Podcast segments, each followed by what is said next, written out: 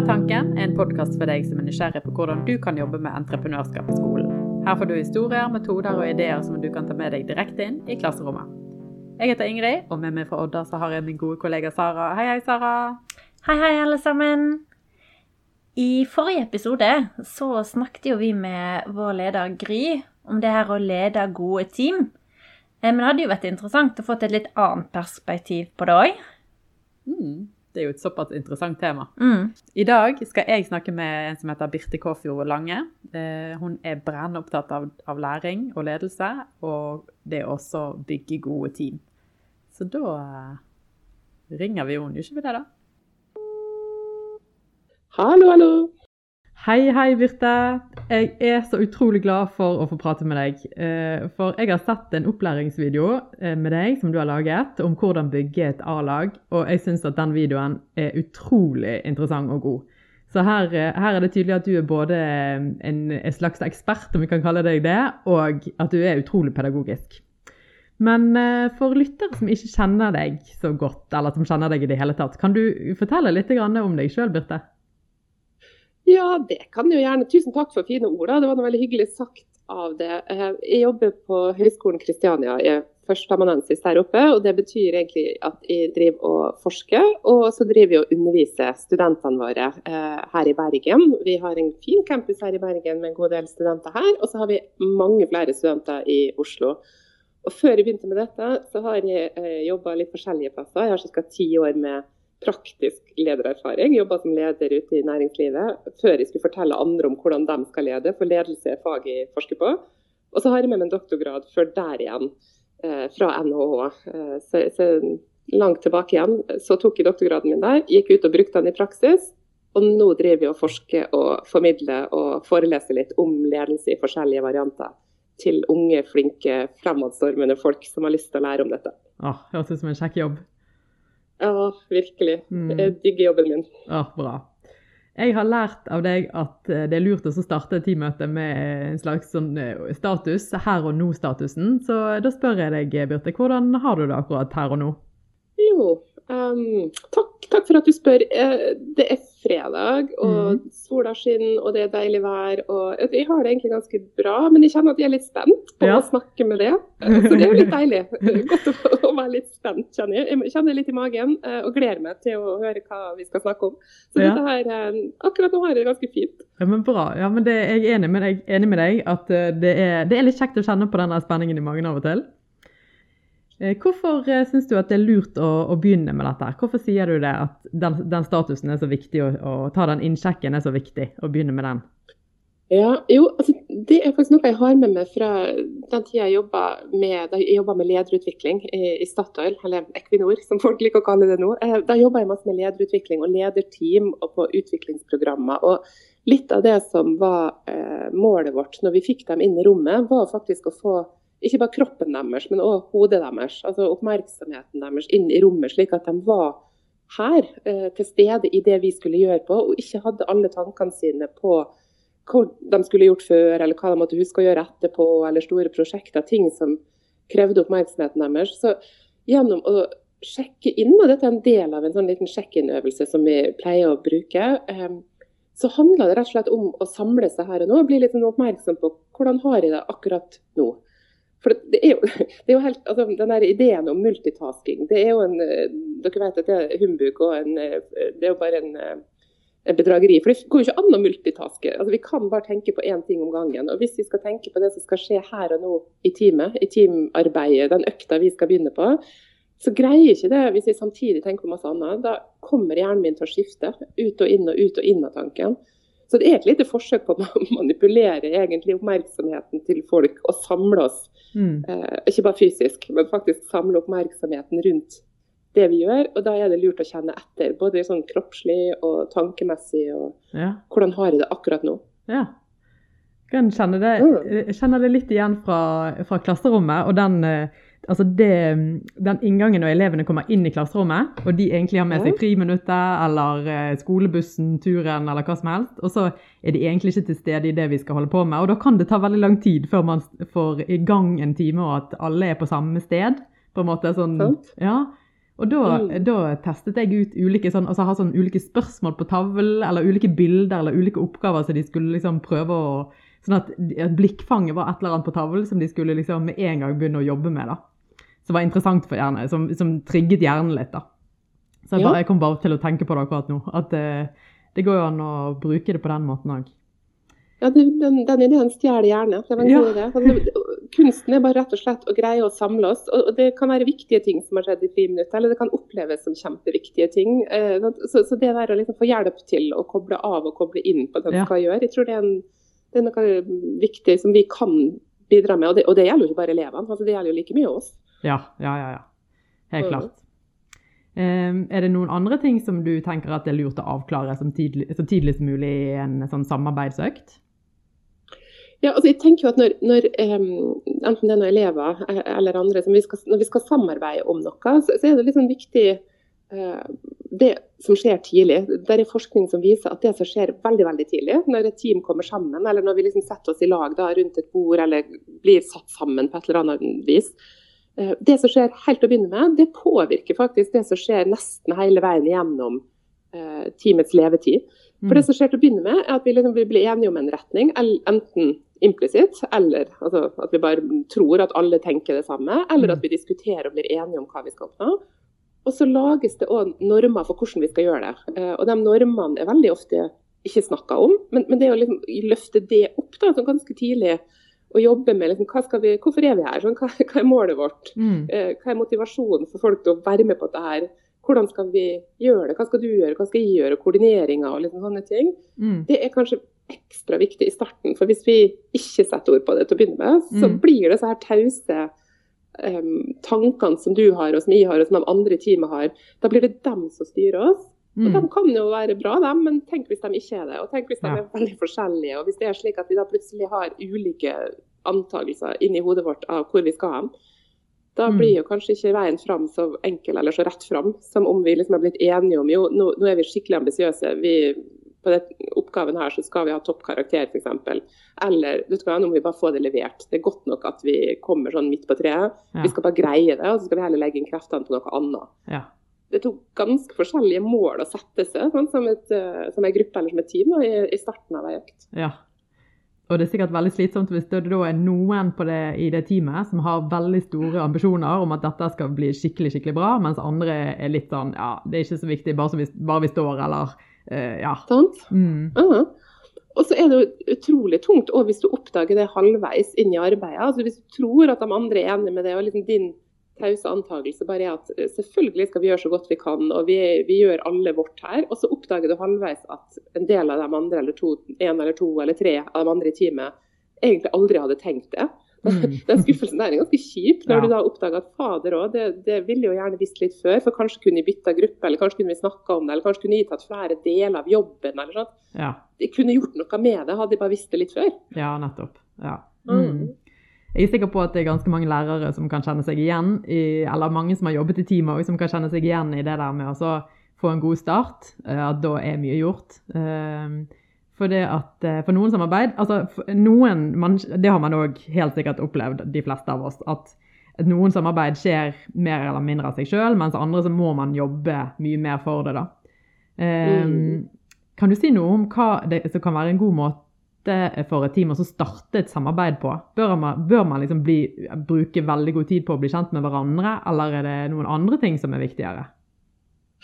Ja, det, det her er jo et sånn artig spørsmål. for Veldig ofte når vi skal begynne å jobbe eh, sammen, så, så tenker vi jo automatisk at det å bli kjent er liksom det avgjørende. Og, og klart det er viktig. Altså Det der å, å være, bli eh, godt kjent med hverandre, eller bli litt kjent da, og, og kanskje komme litt inn på hverandre, det, det, er, det har betydning. Det er klart det. Du, du føler kanskje mer ansvar for folk du kjenner litt. Du føler liksom at eh, hvis vi vet litt mer om folk, så vet vi jo hvordan vi kan jobbe med dem. og så, så det der å bli litt kjent i starten, eh, det er kjempeviktig. Eh, og, og mange har prioritert det veldig høyt. Og noen bruker til og med sånn teamutviklingsøvelser. og Det er liksom masse oppmerksomhet knytta på, på dette.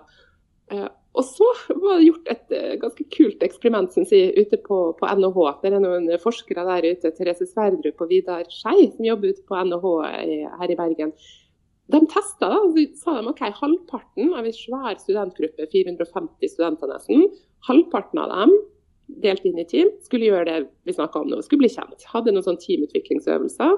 Og så skulle de løse masse forskjellige oppgaver, eh, litt sånn i konkurranse. Og så skulle vi se til slutt hvordan det gikk. Men den andre halvparten begynte med å lage det, det vi kaller en teamkontrakt Mm. isteden. Altså, de gjorde ikke teamutvikling, men de laga en teamkontrakt. Mm. Som rett og slett er en, bare en, en systematisk plan for hvordan dette teamet skulle liksom, strukturere arbeidet og jobbe i lag. Og så kan du tenke deg at Det var jo ganske mye mer altså, latter og stemning og fliring. og De hadde det jo kjempeartig, de som drev med teamutvikling. Men det var litt mye mer saklig og ned på jorda og kanskje ikke fullt så høylytt da, i den der teamkontraktgjengen. De halvparten av klassen eh, som skulle gjøre det. Mm. Og så målte de underveis, gjorde de masse forskjellige praktiske øvelser med studentene. Og så målte de sånn type hvem greide å bygge det høyeste tårnet, hvem hadde det mest Altså forskjellige aktiviteter der det gikk an å måle hvor bra eh, det gikk. Ja. Og hvor mange ideer de kom opp med. Altså en, en ganske sånn målbare aktiviteter. OK. Og hvem tror du hvem tror du skårte, skårte best her? Ja, Det er jo et veldig godt spørsmål, for det er jo veldig enkelt å si eller tenke at det må være de som har hatt de aktivitetene sammen. Men når du spør på den måten, så blir jeg litt usikker. Ja, det er sant. Ja, og, og, og det var, jeg vet ikke om det, For noen er det ganske overraskende, og for andre er det helt opplagt. Men de elevene, eller studentene som faktisk brukte tid på å snakke om hvordan de skulle løse oppgavene, de som Mm. snakka om hvordan de skulle strukturere seg, hvordan de skulle forholde seg til studenter som ikke var motiverte, folk som sluntra unna, de som Ja. snakka sammen om hvordan de skulle løse oppgaven, Mm. løste oppgaven best. Ja. Og når jeg sier det sånn, da, da er det ikke så overraskende lenger. altså Da er det ganske opplagt. sant? Ja, ja. Men jeg tror det de gjorde, da, som var liksom, i starten her, det å snakke om faktisk den jobben de skulle gjøre. Ja. Eh, til forskjell fra det å altså, Jeg sier ikke at det er bortkasta å bli kjent, det er i hvert fall ikke bortkasta å le og flire og ha det kjekt i lag. Jeg tror Nei. veldig på at glede eh, gir energi og er en god ting å ta med seg inn i arbeidet. Men, men det aleine, Mm. det blir litt for lite. For vi må liksom, vi er jo samla for å gjøre en jobb. Enten Ja. det er noen oppgave på skolen, eller det er i Ungt Entreprenørskap, prosjektet deres, eller det er på jobb at det er noe vi som lærerteam eller som skal, skal prestere. Så Ja. vi må prate om det òg. ja. Skape litt mer sånn forutsigbarhet. Mm. Eh, veldig Og avklarte forventninger. Sånn, for hvis vi Ja. vet at vi har blitt enige om liksom, hva, hvor, hvor ofte skal vi møtes, hvor lange skal møtene våre være, hvordan, hva syns vi hvis du kommer for seint hver gang? Ja. Um, hva hvis du får inn meldinger på mobilen din hele tida? Er vi enige om at skal vi Mm. se på dem, eller skal vi legge vekk mobilene? Eller Ja. hva er godt nok eh, Ja. til at de kan uh, si at de, jeg har det for travelt, de kan ikke være med? Ja, har vi det ikke alle travelt? Har vi snakka om hva som er travelt nok, eller hva som er grunnen til å ikke være med? Altså, har vi prata om disse tingene her på forhånd, så er det mye lettere når vi da begynner å jobbe i lag Ja. Uh, og støter på det. Så kan vi si, men du, vær så snill å huske nå, Ingrid, at vi snakka om dette her, og vi ble jo enige om at vi skulle gjøre det slik. Nå Mm. gjør du det sånn. ja.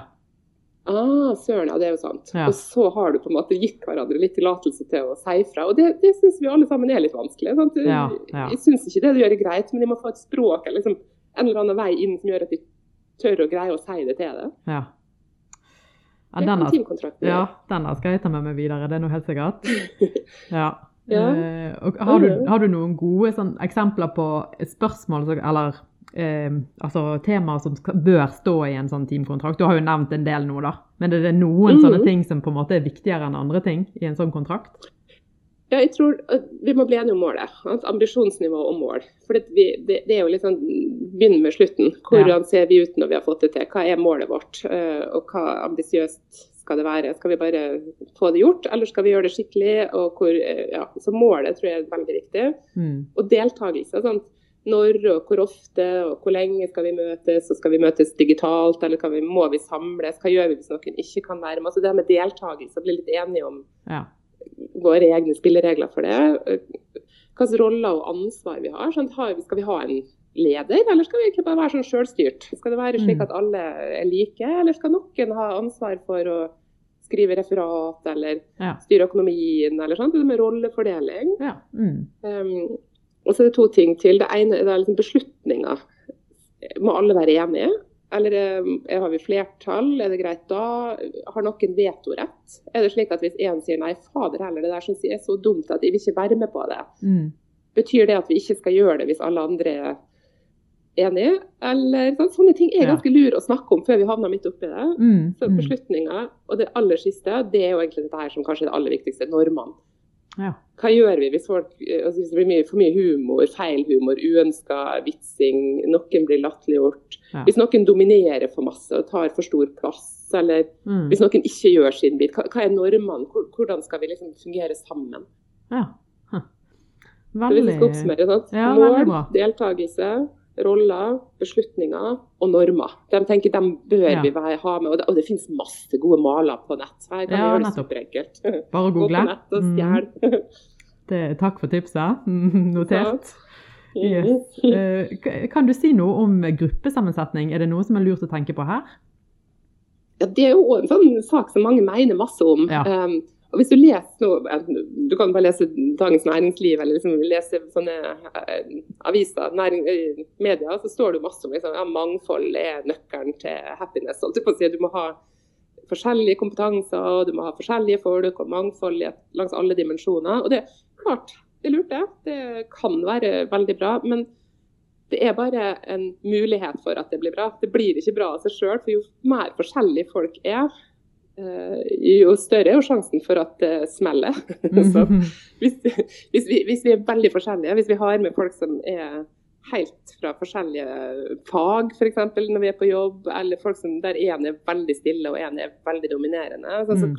klart vi setter oss sjøl opp til mer eh, vanskelige prosesser. Så jeg tror det å komplementere, altså ta vare på det som ligger av verdien i at vi er forskjellige. Forskjellig kompetanse, forskjellige profiler, forskjellige styrker. Ta vare på alt det der. Men ikke undervurder at det krever Da, da må du jobbe med det. Altså, da må du faktisk gidde å, å jobbe med at den forskjelligheten må bli til noe bra, for den kan like fort bli til noe dårlig. Ja, ok. Mm. Interessant.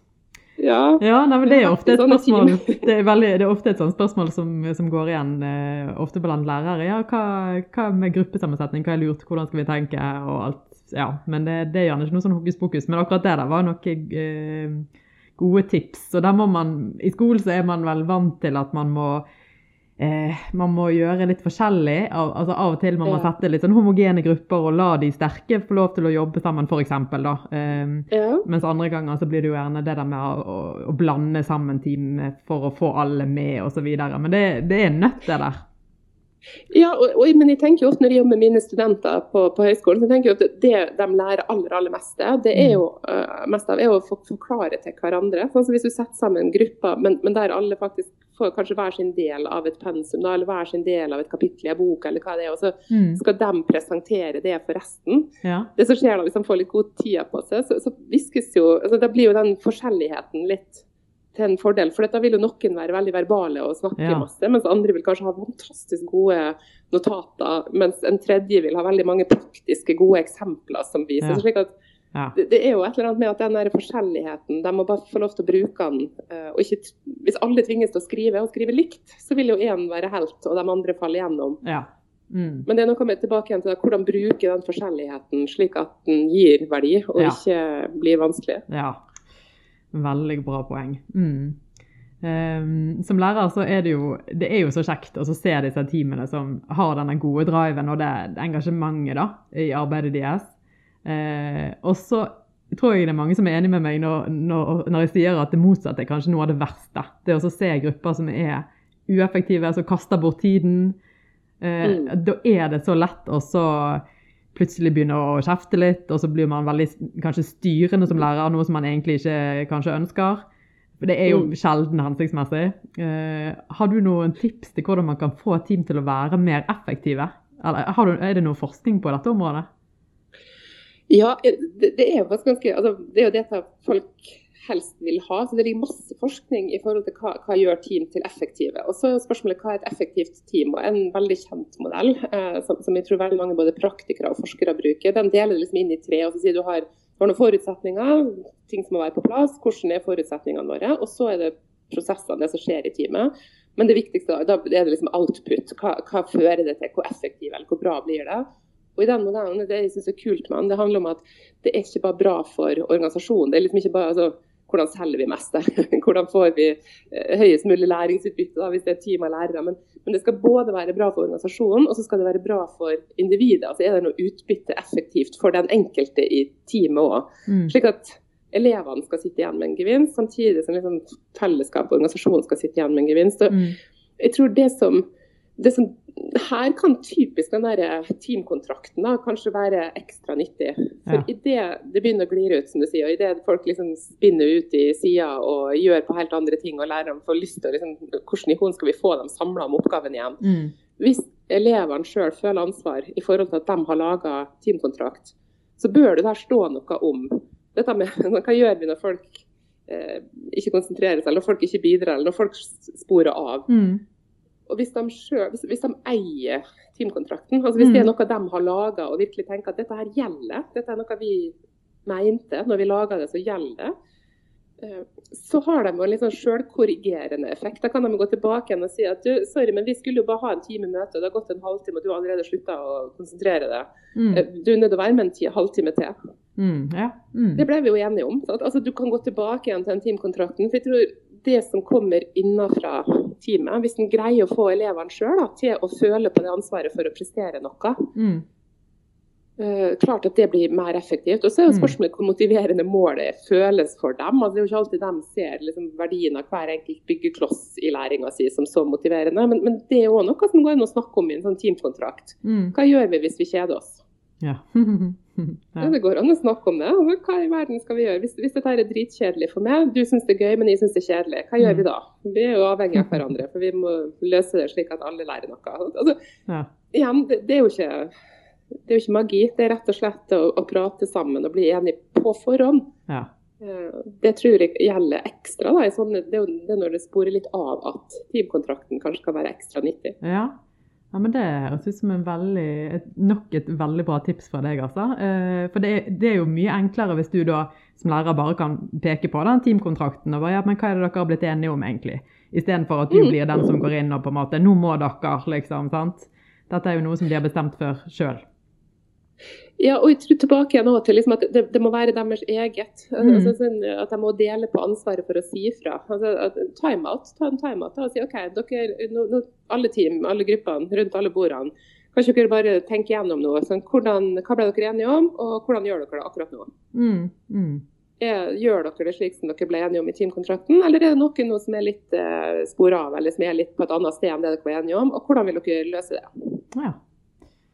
Ja, det er jo en sånn ja. to minutters timeout for å bare sjekke seg sjøl. Og, og, det å liksom løfte seg opp i et sånt metaperspektiv, det er jo noe som vi alle glemmer. og Det er jo noe av det mest verdifulle vi kan gjøre, uansett om vi er noen lærer eller elev eller jobber i, som leder et eller annet sted. Mm. Det sant. Det kan lærerne skape, uten at de styrer på en måte diskusjonen. og sier nå syns ikke dere gjør sånn som dere ble enige om, men la dem sjøl finne ut hva var det vi ble enige om, ja. og hvor mm. er vi akkurat nå. Mm. Ja, det er helt sant. Mm jeg håper det kan det, ja, det, i hvert fall, um, det har i hvert fall funka uh, med en del av studentene mine. For ja. studenter sporer av dem også. Ja, de gjør det. jeg vet Birte, at du er veldig, veldig, veldig, opptatt av uh, det psykologiske aspektet, og at du har forsket på det. Um, så dette med å skape tillit innad i et team man, ja, man, kan jo se på team der ut, altså elevene er utrygge på hverandre, eller studentene er utrygge på hverandre. og De tør gjerne ikke si meningene sine. Eh, de kanskje, det kan godt hende at noen melder seg ut og, og bruker energien sin på eh, veldig dårlige strategier. Eh, hva, mm. hva, kan man som lærer da, eller teamleder da gjøre for å skape tillit innad i et team? Mm. Det, det, er jo ikke noe quick fix på det. Og, og jeg tenker at det er, det er jo veldig eh, kompliserte og ganske krevende ting som skjer. For det, det betyr jo så fryktelig masse for de elevene. Er de som da ikke føler tillit, de som er på utsida eller som er usikre, og som enten da blir bajas, bråkete eller veldig veldig stille. Uansett så er det noe som, som er veldig viktig for dem. slik at hvis den, det en gjør, selvfølgelig når man gjør det med stor respekt for den her, at, at, det betyr så mye for den ungdommen som sitter der og som kanskje framstår enten uspiselig eller usynlig, men allikevel bare har det egentlig ganske kjipt i det mm. teamet. så, så, så, det der å greie å, å få fram den altså, Det vi snakker om med voksne, jeg er ikke så god på ungdom og hva som virker der, men med voksne så, så vet vi at det å faktisk eh, på et eller annet vis vise den sårbarheten som, som leder er, går foran å være rollemodell i å vise litt av sin egen sårbarhet. Mm. Og Det gjør jo typisk en leder med å si at vet du, nå vet jeg egentlig ikke helt hvordan vi skal ta det videre. eller Nå, nå syns jeg det er litt vanskelig, for nå eh, sprer teamet seg veldig. Og vi trenger faktisk å, å være samla her. Så, så, er det noen som har ideer, innspill, eller hva, hva opplever dere? Altså Det å ikke komme med svaret hele tida, men at en, at en, leder viser litt sårbarhet, det er jo noe vi snakker om en del i, eh, i, med voksne teammedlemmer. Og så er det selvfølgelig, Du kan jo ikke be sårbare ungdommer om å vise for mye av den sårbarheten. Jeg ser at Da er det nesten litt urimelig i forventningen til at de skal greie å gjøre det. Men, men det å rollemodellere litt eh, betydningen av at vi trenger hverandre, og at det er OK å si at, er, um, altså at jeg tåler å vise min sårbarhet. Og jeg tåler at dere kanskje ler litt av det. da. Så tenkte jeg, uff, Nå ble jeg litt usikker når dere ler nå. Så, så mm. synes jeg det var litt ekkelt. eller det var, Nå ble jeg litt usikker på hva, hva mener dere med å le nå? Var det med dere lo av, eller var det vitsen? Eller komme tilbake igjen til det å vise litt sårbarhet, og òg det å komme med eh, kommentarer eller omsorg for andre som viser at en ikke bare er opptatt av hvordan en sjøl har det, men at en faktisk òg catcher at andre hvordan andre har det. Det framheves veldig i den litteraturen at Jeg ser at du er veldig stille nå. Jeg har lagt merke til at du har ikke sagt noe hele timen. Er det noe spesielt du tenker på? Er det noe du trenger for å kunne være mer aktiv? Kan, er det noe som har skjedd som vi kan fikse på? Mm. Altså Det å bry seg om de andre. altså By mm. på egen sårbarhet, og så være opptatt av andre sin, eh, hvordan andre har det. Den emosjonelle tilstanden til andre. Mm. Ja. Og Hvordan du oversetter det i et klasserom, det, tenker, det, er jo takk og pris at vi har så gode lærere mm. som, kan mye om ungdommer. Men, men det er jo de liksom underliggende mekanikken som vi ofte bruker når vi jobber med tillit i, i arbeidsteam. At mm. den er litt sånn uh, Går forbi det rasjonelle og går litt inn i dette. her, For, for tillit er jo en følelse. Sånn, tillit er ikke noe rasjonelt som vi kan diskutere sånn kognitivt og si nå burde du, og nå må vi, og vi beslutter at osv. Det, det handler jo om den følelsen av at jeg kan tørre å si at jeg ikke forstår, og jeg kan tørre å by på meg sjøl uten at jeg er redd for å bli ledd av. Mm. Eller latterliggjort, altså frosset ut, eller de himlende øynene som der jeg egentlig tenker Gud, nå tror hun at de er den dummeste i hele verden når mm. de sa dette. Mm. At de ikke er redd for sånne ting. Og det er jo følelser. Altså, det er jo ikke fornuft og kognitive, ja. liksom rasjonelle tanker. Mm. mm. Ja. Så dette er kanskje noe av det vanskeligste, tenker jeg, men, men det, ja. det, er jo allikevel noe av det viktigste. For vi vet jo, altså, den Google-studien som veldig mange snakker om, den viste jo at de beste teamene altså Google har jo all verden eh, data. De sitter jo søren meg på data om ting vi ikke vet at de vet engang. Sånn. Men de har jo masse data om sine egne team. Og så prøvde de å finne ut hvem av teamene som funka aller aller best. Og så så de sånn på erfaring, de så på kompetanse, lurte på hvilke folk de skulle putte inn, gruppesammensetning, som vi snakket om litt i stad. Og så greide de ikke å knekke nøtta, for det var liksom ingen av de faktorene de greide å få til å forklare hvorfor noen team var skikkelig gode, mens andre team var ganske middels eller til og med ganske dårlige. Mm. Og så, først når de begynte å se på hvordan folk funka sammen, da knekte de nøtta. Var, de så på dynamikken og så der det faktisk var høy det vi kaller psykologisk trygghet. Sant? Der de hadde denne tryggheten. At her, jeg tør å si at du, den ideen din syns jeg kanskje ikke var så god, men jeg har en annen. Mm. Eller jeg skjønte ikke den ideen du kom med i stad. Jeg kan ikke forklare det litt enklere. Først mm. da begynte teamene faktisk å prestere bedre. Så når vi snakker om disse tingene her, så er det jo ikke fordi vi skal liksom være psykologer alle sammen og være sånn touchy-feely good med hverandre. Det er jo fordi at vi presterer jo bedre. Sant? Mm. Lærer bedre, ja. greier å prestere bedre, har det bedre. Ja. Så det er jo det er det som er målet her. Vi må ikke glemme at vi gjør det ikke for å leke psykologer alle sammen. Vi gjør det jo for å prestere faktisk òg. Ja. ja. og det er veldig tydelig at elever som ikke har det bra, de lærer jo veldig, veldig lite. Så det er jo så ja. utrolig mm. viktig å, å, skape på en måte en sånn tillit innad i et klasserom, f.eks. For, for, for å oppnå mer læring, rett og slett.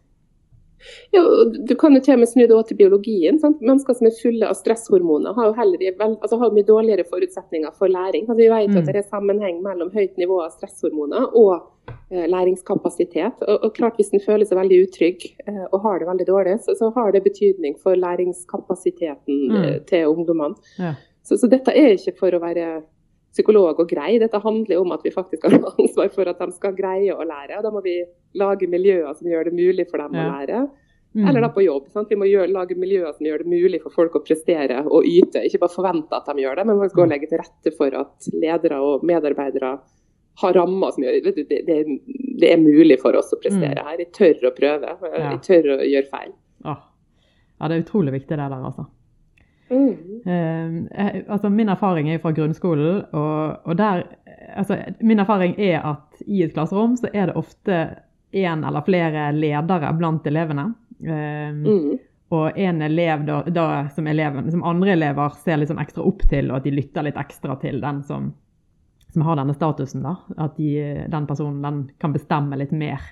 Eh, og dette kan jo være en leder med både litt god og dårlig innflytelse. da. Eh, jeg vet ikke om du har noen sånn erfaring på dette området, men, men har du noen tips til hvordan man kan jobbe med, med sånne ledertyper eh, for å skape enda bedre klasse- eller arbeidsmiljø? Ja, altså det, det første jeg tenker på når du spør, er jo egentlig eh, at eh, disse lederne i klassen, altså det er ungdommene som sitter med en sånn uformell lederrolle, eh, antagelig vet det på et eller annet nivå, så kanskje vet de litt om det, men at det samtidig er noe som det ikke snakkes noe særlig om. Altså Det er en sånn Mm. taus kunnskap de har, og som læreren i hvert fall har, og som de andre elevene i klassen òg har, men som vi egentlig ikke snakkes så masse om. fordi at vi um, ja, så, så det er litt sånn uuttalt. Det å gjøre det uuttalte uttalt hvis det, det ble veldig mange u-er. hvis vi kan snakke om det vi ikke snakker om. Ja, ja. Det er lettere å si det på den måten. Altså, Mm. Sette litt ord på at disse her elevene da, som, som har en sånn uformell lederrolle, eh, de har jo mye makt. Mm. Det, det er veldig masse, Når de sier at noe er kult, så blir det kult. Eller hvis de sier at nei, det var ganske teit, så blir ting ganske teit. Eller, Mm. altså, de, de får på en måte oppslutning i den retningen de peker. Og alle vi vet det. Læreren vet det helt sikkert, og de sjøl vet det litt, i hvert fall. Mange av dem. Mm. Så jeg tenker jo at det å, å snakke om det, og sette ord på det, og, og prate litt med disse elevene, særlig hvis, hvis retningen Kanskje uansett, men kanskje hvis, hvis retningen er litt dårlig. Igjen tilbake igjen til det å bli litt på sårbarhet. Gå en tur i lag, da, eller møtes et sted. Og, eller bare ha en prat med disse lederelevene, og så si det at du Jeg vet ikke om du har lagt merke til, men det du mener, er det ofte mange andre som, som blir enig i, eller veldig mange syns det du gjør er veldig viktig. Mm. Eh, Du har stor påvirkning. Har du sett det sjøl? Hvordan syns du det er? Mm. For, for det hjem tilbake til den ansvarliggjøringa. Hvis du forteller den ungdommen at du må være mer på lag med meg, for uten Mm. så kommer ikke dette til å gå bra. Mm. Det er ikke sikkert at det er liksom det mest motiverende. Det kan jo til og med være at du egentlig blir litt sånn tenker søren, hvem er du som skal fortelle? Og jeg, noe, jeg vet noe bedre hvordan ungdommer funker enn du, og vi gjør nå det jeg vil. og Mm. Mm. Men hvis jeg appellerer litt vet du hva, du har makt, og det er jo ditt, du bestemmer hvordan du skal bruke den innflytelsen. altså Mm. Hva var det Spiderman sin onkel sa? Sånn, With great power comes great responsibility. Altså du, Ja, du har en makt, hvordan velger du å bruke den? ja, ja. Vil du hjelpe de andre elevene, altså klassekameratene dine? Vil du hjelpe kompisene dine i en god retning? Eller vil du bidra til at ting blir ganske vanskelig og bråkete, og at vi ikke får til det vi har lyst til å få til? Ja. Går det an å prate om disse tingene, så tror jeg at ingen vil bli veldig overraska. For jeg tror både elevene og lærerne vet om det egentlig. Men, men jeg har en tanke, en idé, da, en forestilling om at, at det kanskje ikke snakkes så mye om. At det ligger litt sånn utappa potensial i å faktisk sette noen ord på og, og, og gjøre ungdommene klar over at jøss, jeg kan jo påvirke. Sant? Jeg lurer på, at, de, at de må få det språket og få den anerkjennelsen og kjenne på det ansvaret. For da, Mm. jeg, jeg tror at ungdommer generelt vil veldig, veldig, veldig lenge. og Kjenner de ansvaret, så tar de det. Ja. Mm. ja, mange vil nok det, altså. Og da gjelder det jo å skape liksom gode relasjoner der, da, mellom deg som, Ja, sant. som Hvis en opplever at de er litt på lag, for ofte er det Mm. litt bråkete. da, Jeg ser jo for meg noen med en gang. Vi gjør vel alle det. sant? Ja. Og de litt sånn bråkete, Det er jo ikke alltid de var veldig på lag med læreren. Det, det er lov å huske. at Mm, mm. Det var ofte en liten avstand mellom Mm. dem som kanskje var sånne ledestjerner som leda i en kanskje uheldig retning, og læreren. Mens Mm. hvis, den, hvis vi greier å lukke det gapet, og at Ja. de elevene opplever at de ikke er motstanderen, men kanskje til og med får litt sånn men vi er litt på lag. Hvordan Mm. kan vi få lov til å nyte litt godt av at vi jobber sammen om dette? Hva tror du? Hva kunne Ja. vært en kul måte å gjort det på? Ja. ja, det er sant. Den følelsen av at den Ja. eleven eh, blir godt likt av læreren, det tror jeg òg er litt av nøkkelen. Jeg har alle hørt og sett. altså Anerkjent for at du har Jeg skjønner, jeg skjønner godt at folk ser opp til deg. altså jeg skjønner at det du, sånn, altså, På et eller annet nivå så, så, skjønner vi det. og Så kan vi jo like eller ikke like det. Vi kan jo tenke at det er bra eller ikke bra. Men, men bare det å anerkjenne at de ser det, det er jo noe med å gi den ungdommen den bekreftelsen på at vi ser at det er mange som følger det. Det er veldig mange som, som ser opp til det, og som gjør det du gjør. Mm. Hva vil du bruke det til? Ja, det er sant. Mm. Over til noe helt annet. altså Dette med forskning. Ehm, det jo, altså Dette, dette tema, eh, teamarbeid er jo et tema som det finnes mye forskning på. Jeg vet ikke om, Er det noe du, forskning du syns er ekstra spennende? Ja, det er masse, altså Forskning uh, høres ofte litt sånn uh, kryptisk og avansert ut. og så tenker jeg Forskning er jo egentlig bare erfaring satt i system og tester. Altså, altså, hvis vi kan ta det ned til det, altså, Forskning er når noen folk uh, har gått ut og samla data og fått andre folk til å fortelle om sine erfaringer, og så testa om det er gyldig at det kan gjelde for flere enn akkurat dem vi snakker med. Så, så, forskning er jo egentlig bare å bruke andre sin erfaring til egen hjelp. Og Det finnes masse kul forskning eh, om team, og ikke minst om psykologisk trygghet og i grensesnittet mellom der. Og jeg tenker egentlig at eh, vi skal være litt eh, stolt av mye av det vi har nært oss. Vi har godt miljø ute på NHH. Jeg fortalte i stad om disse studentstudiene der de eh, sjekka ut dette med teamkontrakt og, mm. og teamutviklingsaktiviteter. Og det er et kult miljø der ute som jobber masse med med team, og ikke minst med psykologisk trygghet. Det kommer snart en ny doktorgrad om psykologisk trygghet derfra. Ja. Og Det er ting som er henta fra norske data, altså norske bedrifter og norske virksomheter. Mm. Så eh, det å være litt sånn lokal og lese litt av det som skjer her lokalt, og få det med seg, det tror jeg er en uh, god ting. Ja, så kult. Mm. Kjekt at det skjer mye spennende. Et funn som kanskje mm. kan dele sånn et funn som vi kan ha å tenke på, det er at dette her med psykologisk trygghet ferskvare. Altså, mm. Først har vi tenkt at ah, teamet har etablert et nivå, nå vi, vi er trygge. Vi har en høy grad eller en lav grad av psykologisk trygghet i vårt team. Sånn mm. er det. Mm. Uh -uh, det er ikke sikkert det er sånn. det de finner der ute nå, er at nei, det svinger. Det går liksom opp og ned. Okay. Så det ferskvare, det vi gjør i dag, har betydning for hvordan tilliten vår er i dag og i morgen. Ja. Det er ikke slik at har vi liksom fått høyt nivå, så er vi, vi er berga. Nå har vi liksom ordna oss. Mm. Det kan vi ta med oss og tenke på. For det betyr at vi må faktisk litt opp på tå og tenke på det hver dag. Istedenfor ja. å tenke at vi kan gjøre det én gang og så ferdig med det. Ja. Det, er noe som faktisk angår oss hver dag når vi jobber lag med andre folk. Veldig, ja, det er noe å ta med seg. Mm. Mm. Dette året her det har jo vært et uh, annerledes år for de fleste. Eh, sikkert for deg òg. Men uh, har du noen tanker om hva dette året har gjort med teamarbeid? Er teamarbeid blitt enda viktigere, eller? Ja, altså, vi, vi, har diskutert dette en god del både på jobb og med andre kollegaer, altså andre forskerkollegaer som vi jobber i lag med. at um, Jeg tror mye av limet i organisasjoner, og kanskje også limet i en del team, har blitt litt, litt svakere på en måte. For du, vi har ikke møttes. Vi har ikke fått disse her små uformelle pratene rundt forbi som gjør at vi liksom føler oss som en enhet. Vi ser ikke hverandre fysisk når vi har sittet digitalt og på hjemmekontor og vært langt fra hverandre mange. Mm. Så på en måte så har det blitt eh, svakere. Sånn, koblingene har blitt eh, løsere. Og, en som til og med sa det at jeg tror mange kommer til å bytte jobb i året som kommer, fordi at en begynner liksom å tenke ja, men jeg har bare det kjedelige igjen. Jeg har mista alt det gøye. på en måte. Jeg ser ikke de kule folkene. og har ikke det fellesskapet lenger. Så kanskje kunne gjort noe annet. Kanskje kunne jobbe en annen plass. Ja.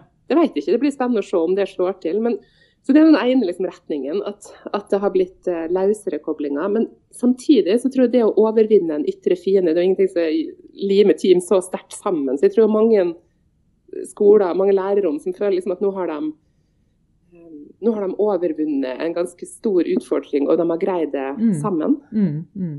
Og det styrker jo team og teamfølelse. Ja. Så, så er, jeg tror det er to krefter som liksom ligger og drar litt i hver sin retning. Eh, noe styrker oss, og noe drar oss litt fra hverandre. Men, mm. men at det har påvirka oss, helt klart. Og det blir veldig spennende å se nå hvordan liksom fram, framover eh, vil vi fortsette å jobbe i team. Tett vil vi tenke at team må møtes. Kan mm. vi ha liksom, løsere koblinger videre med mer digitale treff, eller hvordan, det, Alle kaller det den nye normalen. Jeg er ikke sikker på om det blir normalt. på et eller annet vis, Men hvordan blir det seende ut framover? Jeg tror eh, det er mer usikkert nå enn, enn for halvannet år siden, før vi liksom slo av mm. lyset og sa korona stengt i mm. Norge et år. Mm. Ja, det blir utrolig, blir utrolig, spennende å se. Og det kommer, kommer sikkert mye forskning på, på, dette året. vil jeg tro, i fremtiden. Det er veldig mange som sitter og skriver og, og forsker og er ute og prater med folk. For igjen, altså, Forskning er rett og slett uh, å oppsummere andre sine erfaringer og se effekter av ting som blir prøvd ut. og Noe virker, og noe virker ikke. Ja. Men, men, akkurat dette her med at vi, vi trenger hverandre for å løse det.